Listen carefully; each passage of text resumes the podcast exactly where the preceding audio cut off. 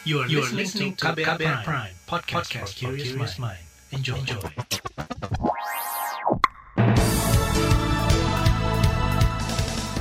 Selamat pagi saudara, senang sekali kami bisa menjumpai Anda kembali melalui program Buletin Pagi edisi Rabu 16 Desember 2020 bersama saya Sindu Darmawan. Sejumlah informasi pilihan telah kami siapkan di antaranya belasan ribu kotak amal dicurigai jadi sumber pundi-pundi uang teroris. Hari ini buruh berunjuk rasa kawal uji materi Undang-Undang Cipta Kerja. Hasil tes COVID-19 jadi syarat berkunjung ke Bali. Inilah Buletin Pagi selengkapnya. Terbaru di Buletin Pagi. Saudara Mabes Polri mencurigai ada sekitar 13.000 kotak amal yang digunakan untuk mendanai aksi kelompok teroris. Juru bicara Mabes Polri Ahmad Ramadan mengatakan kotak-kotak amal itu tersebar di berbagai daerah seperti di DKI Jakarta, Yogyakarta, Surabaya, Sumatera Utara, dan Lampung. Modus kotak amal sebagai pundi-pundi uang terorisme terungkap dari pemeriksaan tiga tersangka teroris yang ditangkap tim Densus 88 di Bekasi dan Lampung. Ketiganya berperan sebagai ketua dan bendahara Yayasan Abdurrahman bin Auf atau ABA yang menebar kotak-kotak amal. Polda Lampung saat ini tengah menyelidiki ribuan kotak amal yang diduga milik kelompok teroris tersebut.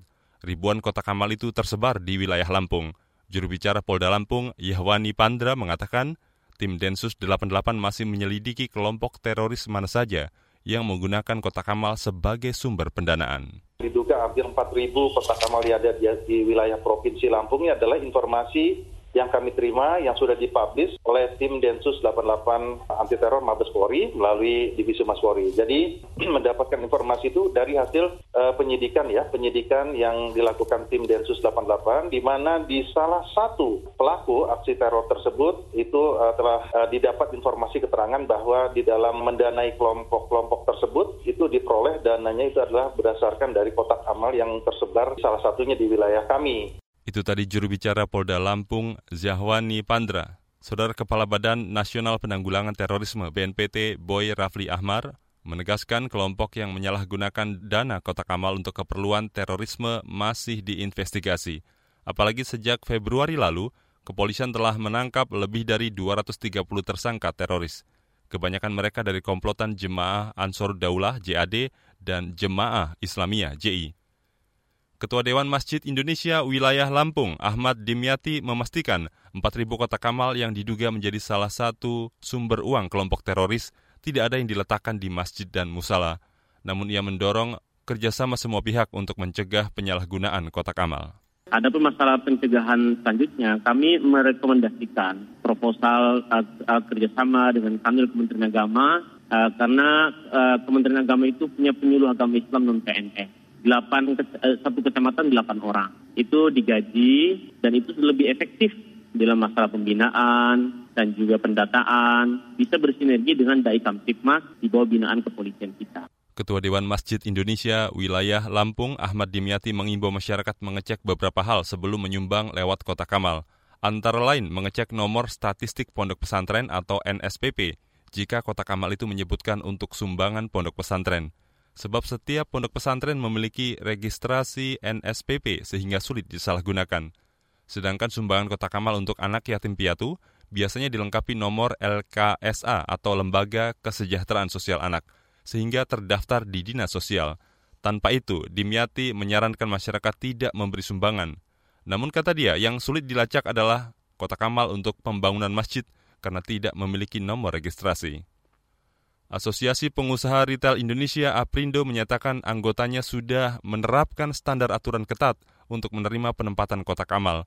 Ketua Aprindo Roy Nicholas Mandey mengatakan aturan itu mulai dari pengajuan proposal dengan melampirkan surat pendirian yayasan hingga proses pengalihan dana. Kata dia, jika di kemudian hari ada penyalahgunaan kotak-kotak amal untuk pendanaan aksi terorisme, maka itu di luar kendali pengusaha ya Aprindo atau para retail modern siap menerima arahan dari pemerintah atau dari pihak berwajib dan berwenang berkaitan pengaturan tata letak kotak amal ini supaya lebih kondusif atau lebih juga terukur, lebih juga terkoordinasi. Apakah kami juga harus memverifikasi kepada dinas sosial atau kementerian sosial atau kepada kepolisian? Ya kami siap melakukannya dan untuk itu kita menunggu arahan dan juga langkah-langkah konkret itu tadi Ketua Aprindo Roy Nichols Mande. Sementara itu pengamat terorisme Al-Haidar menilai pengumpulan dana oleh Yayasan Abdurrahman bin Auf Aba melalui kotak-kotak amal di rumah makan dan minimarket bukan strategi baru. Modus yayasan itu sudah dilakukan sejak 8 tahun lalu. Menurut Al-Haidar, Yayasan Aba bentukan kelompok terorisme jemaah Islamiyah. Uh, ketika tahun 2012 saya tidak tahu bagaimana peran para Wijayanto yang begitu masif ya uh, di uh, di tanah air dan sepeninggal dari uh, Dolmadin dan Umar Patek ya. Jadi organisasi itu memang tidak lagi dikelola oleh para pengurus-pengurusnya yang lama ya. Jadi ya setelah itu memang jadi organisasi atau yayasan yang sangat bisnis laden ya, artinya banyak uh, muatan bisnis Pengamat terorisme Al-Haidar menduga penyalahgunaan kotak amal sengaja dilakukan untuk mendukung kepentingan bisnis pemimpin besar jemaah Islamia, para Wijayanto dan Panglima militernya Ari Sumarsono alias Zulkarnain yang beberapa hari lalu ditangkap, kepol ditangkap kepolisian di Lampung. Ari merupakan komandan jemaah Islamia Askari atau sayap militer saat peristiwa bom Bali 1 pada 18 tahun lalu. Saudara, selain meraup uang dari penyalahgunaan kotak-kotak amal, kelompok teroris di tanah air juga pernah mendapat dukungan pendanaan dari luar negeri. Empat tahun lalu, Pusat Pelaporan dan Analisis Transaksi Keuangan PPATK pernah menemukan aliran dana asing yang ditujukan kepada salah satu yayasan di dalam negeri. Oleh yayasan tersebut, dana asing itu didistribusikan untuk mendanai kepergian teroris ke negara-negara konflik. Saudara, hari ini buruh berunjuk rasa mengawal uji materi Undang-Undang Cipta Kerja. Informasinya hadir usai jeda. Tetaplah di Buletin Pagi KBR. You're listening to KBR Pride, podcast for curious mind. Enjoy!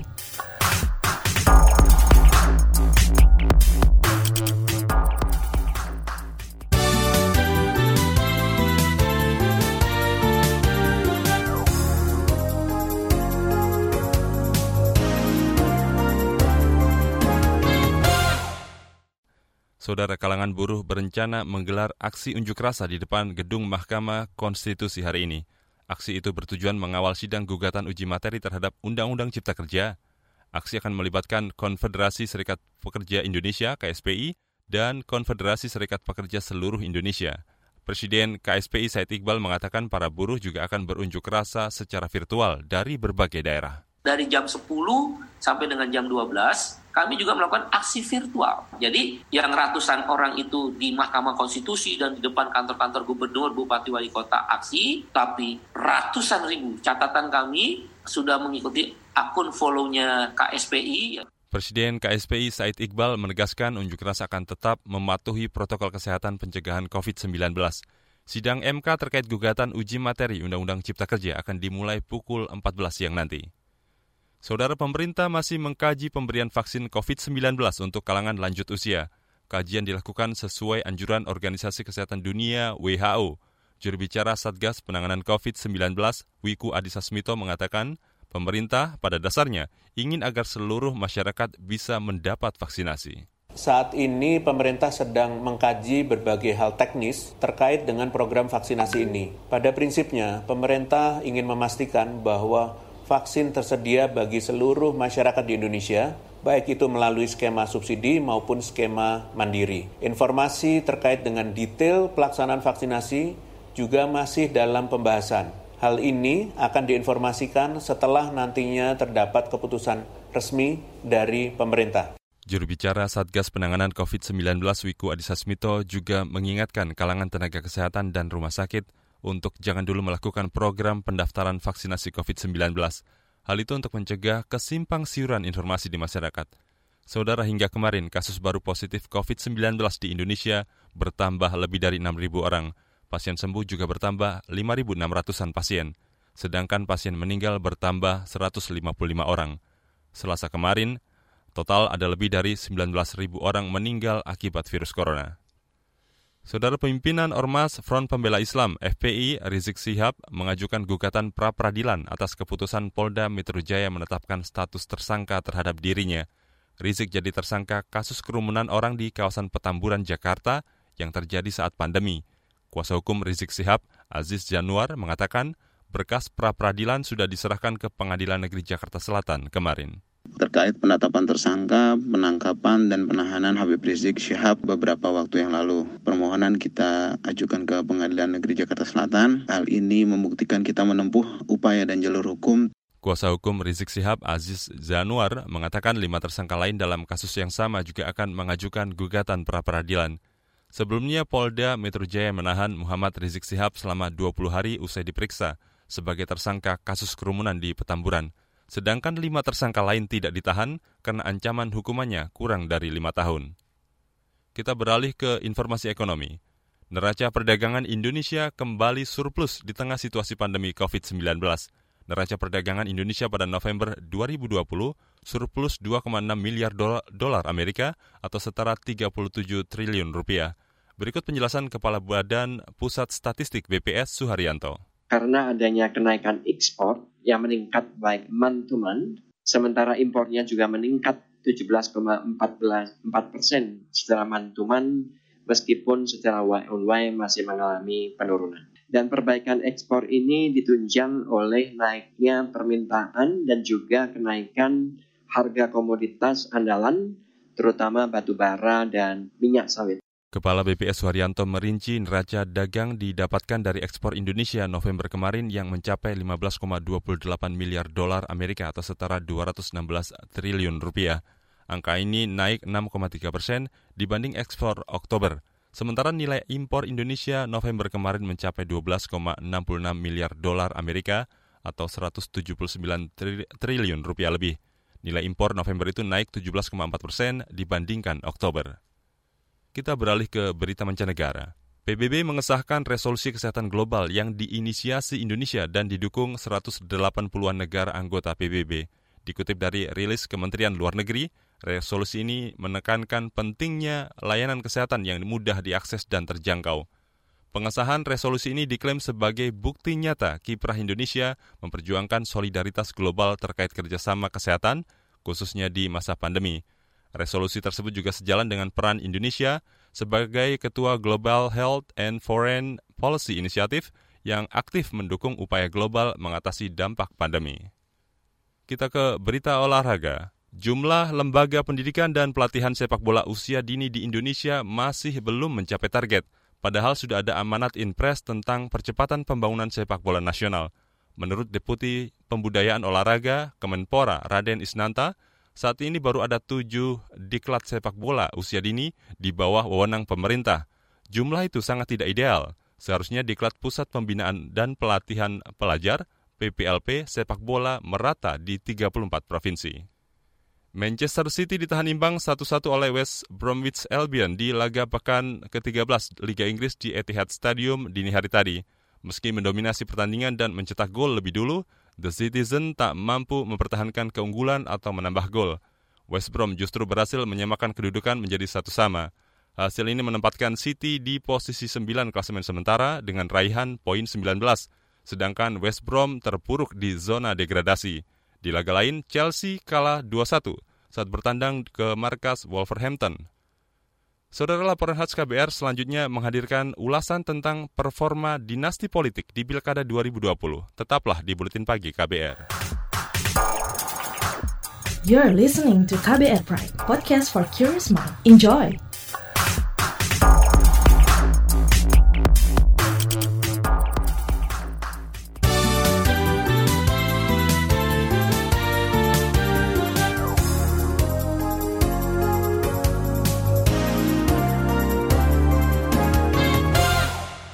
Anda masih bersama kami di Buletin Pagi KBR. Saudara, sebanyak 120-an kandidat yang bertarung di Pilkada Serentak 2020 terafiliasi dengan dinasti politik. Sebagian besar sukses memanfaatkan modal itu untuk menang, tapi tak sedikit pula yang gagal.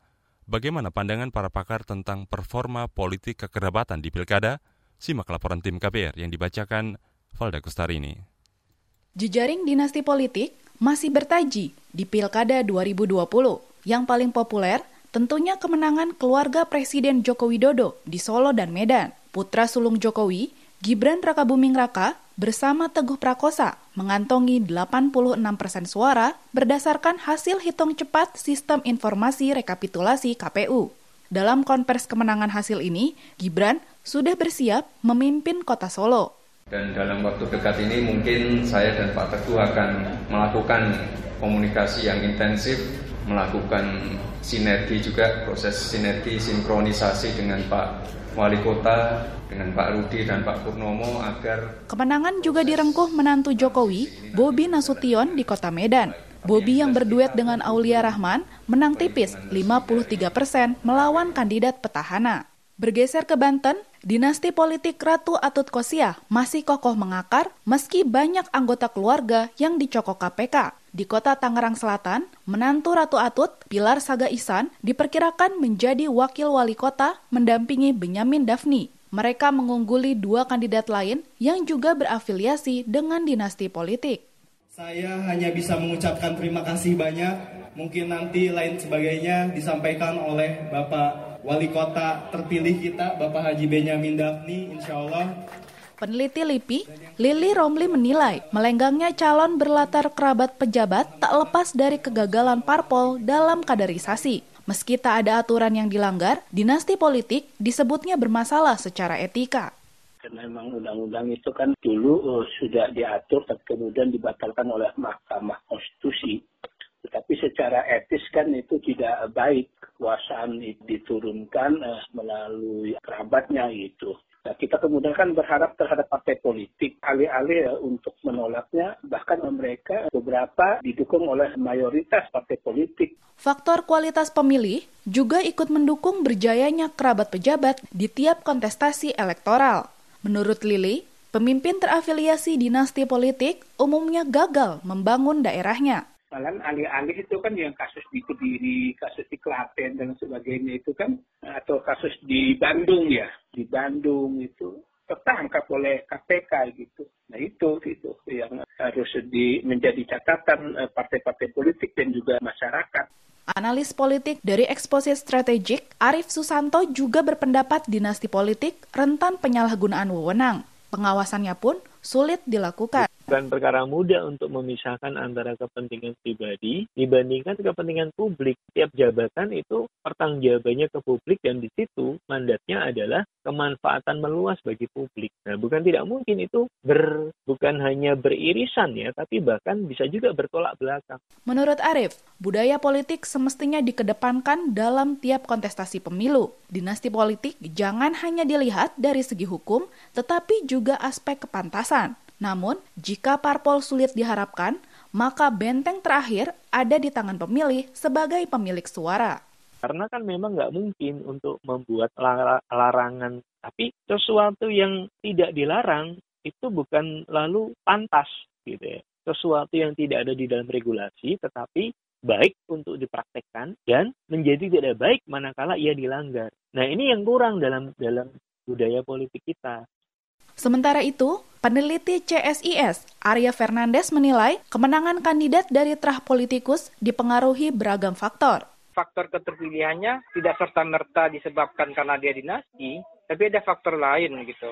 Kasus uh, Gibran di Solo mungkin faktor PDP juga punya kontributor yang sangat tinggi gitu ya selain faktor Jokowi gitu. Nah begitu juga di Tangsel ya. Tangsel kan Benyamin itu dianggap lebih berpengalaman dengan dibandingkan Aziza. Sarah juga begitu, nggak pernah punya aktivitas di Tangsel. Jadi kemenangan Benyamin mungkin karena ada political proximity-nya. Arya menyebut modal dinasti politik saja tak jadi jaminan bakal menang kontestasi, apalagi jika rival dianggap lebih mumpuni. Tapi kalau kandidat rivalnya kuat kayak di Tanah Datar gitu ya, atau di Indramayu kandidat rivalnya kuat, atau di Bandung ada Sarul Gunawan ya, kalah juga dinasti kan. Nah, orang akan pilih kandidat alternatif gitu. Dinasti politik memang tak dilarang, tetapi bisa dibatasi. Arya juga mendorong parpol lebih inklusif dalam menjaring kandidat agar kualitas demokrasi bisa terus meningkat.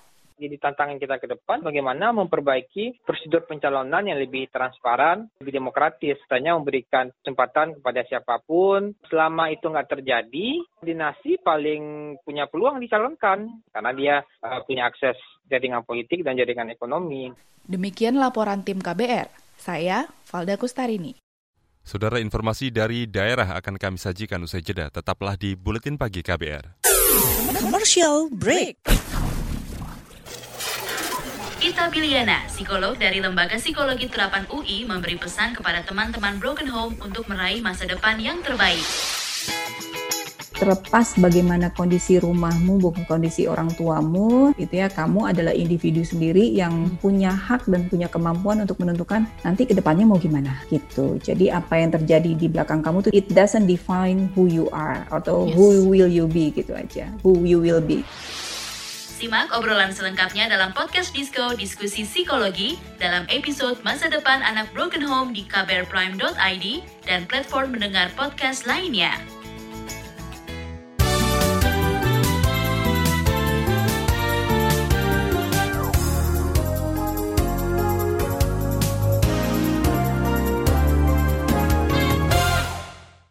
Inilah bagian akhir buletin pagi KBR. Saudara pemerintah Kabupaten Banyuwangi menghentikan uji coba sekolah tatap muka di 50 SMA dan SMK. Uji coba dihentikan sejak kemarin karena Banyuwangi kembali masuk zona merah COVID-19. Kepala Cabang Dinas Pendidikan Jawa Timur wilayah Banyuwangi Istuhandono menegaskan, keputusan ini sesuai instruksi Menteri Pendidikan Nadiem Makarim. Apabila zona di satu daerah merah, maka kegiatan pembelajaran tatap muka harus dihentikan atau dibiadakan. Maka berdasarkan berdasarkan situasi Banyuwangi yang memerah, hmm. mengamankan ketentuan-ketentuan yang dibuat oleh Pak Menteri, Bu Gubernur, Pak Kepala Dinas, yeah. maka hari ini saya juga mengeluarkan edaran pada seluruh kepala sekolah hmm. agar menghentikan seluruh kegiatan uji coba tatap muka baik dalam bentuk KBM maupun penilaian akhir semester. Semua beralih lagi menjadi bersifat daring. Kepala Cabang Dinas Pendidikan Jawa Timur wilayah Banyuwangi Istuhandono mengatakan semua kegiatan termasuk ekstrakurikuler dan kegiatan yang melibatkan orang banyak harus dihentikan. Awal pekan kemarin jumlah kasus positif COVID-19 di Banyuwangi mencapai 3.400 orang. 2.900 di antaranya sembuh dan 300 orang dirawat. Masyarakat yang akan pergi ke Bali untuk liburan Natal dan Tahun Baru wajib menunjukkan surat keterangan hasil negatif COVID-19. Gubernur Bali Wayan Koster menjelaskan, untuk pendatang yang menggunakan transportasi darat dan laut, wajib menunjukkan surat keterangan hasil negatif virus corona dengan tes cepat. Untuk pendatang yang menggunakan pesawat, wajib mengisi e-hack atau kartu kewaspadaan kesehatan Indonesia dan bukti negatif COVID-19. Bagi yang melakukan perjalanan dengan transportasi udara, wajib menunjukkan surat keterangan hasil negatif uji swab berbasis PCR paling lama 2 kali 24 jam sebelum keberangkatan dan harus mengisi e-hack Indonesia. Gubernur Bali Wayan Koster menambahkan surat edaran pencegahan COVID-19 selama libur Natal dan Tahun Baru itu berlaku mulai 18 Desember hingga 4 Januari 2021. Selain itu, Gubernur juga meminta Pangkodam Udayana dan Kapolda Bali menggelar operasi disiplin guna menegakkan aturan itu. Sanksi sesuai perundang-undangan akan dikenakan bagi siapa saja yang melanggar aturan. Saudara pengelola tol Cikopo Palimanan atau Cipali memperkirakan akan ada dua puncak gelombang kepadatan lalu lintas saat libur Natal dan Tahun Baru, yakni pada 24 hingga 27 Desember dan 31 Desember hingga 3 Januari 2021. Berikut keterangan dari Direktur Operasi Tol Cipali, Agung Prasetyo. Ini sebelumnya saya sampaikan bahwa kenaikan prediksi tahun Natal dan Tahun Baru tahun ini adalah 12 eh, persen, 12,6 persen dari tahun lalu. Sesuai dengan kita prediksi dari uh, yang dasarnya adalah lalin normal, new normal pak ya. New normal sekarang sudah mulai mulai naik dari dari pandemi sebelumnya. Direktur Operasi Tol Cipali Agung Prasetyo memprediksi kendaraan yang akan melintas saat libur Nataru mencapai hampir 180 ribu unit. Agung mengimbau para pengguna tol Cipali untuk tetap mematuhi protokol kesehatan saat berada di rest area. Saudara, informasi tadi menutup jumpa kita di Buletin Pagi KBR hari ini. Pantau juga informasi terbaru melalui kabar baru, situs kbr.id, Twitter kami di akun @beritaKBR, serta podcast di alamat kbrprime.id. Akhirnya saya Sindu Darmawan, bersama kerabat kerja yang bertugas undur diri. Salam.